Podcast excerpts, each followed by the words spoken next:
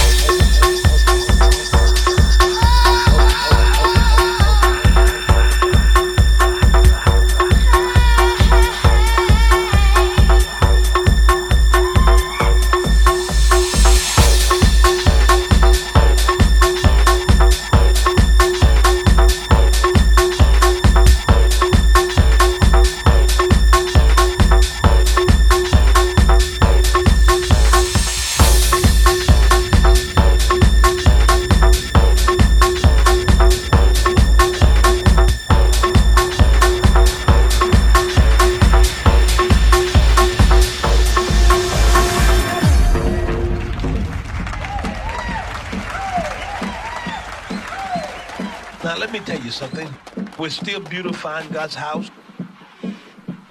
I need 100 people to write me this week and send a love offering of $50 or more.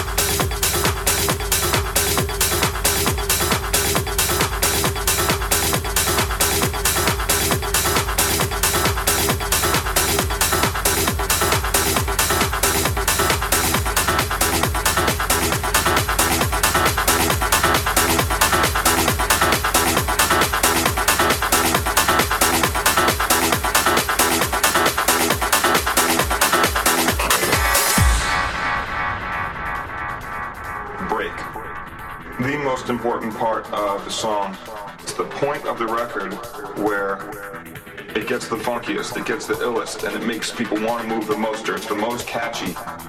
Sometimes the break will only be like four bars and it comes and it goes so fast that you're like, man, uh, I didn't get to hear long enough. I didn't get to hear it go long enough. So what I'm gonna do is I'm gonna actually extend the break, which is what DJs would do for a couple different reasons. One, it would be for the dancers, for the b-boys to be dancing. You extend the break so they could stay on this one four but keep looping it, keep looping it, keep looping it, keep looping it, keep looping it, keep looping it for who knows, for a minute, minute and a half, where they're just dancing the same break. And two, on the break, it opens up for anybody to do anything. People to dance, the DJ to get loose and rock doubles. It's always over the break because that's when you could do it.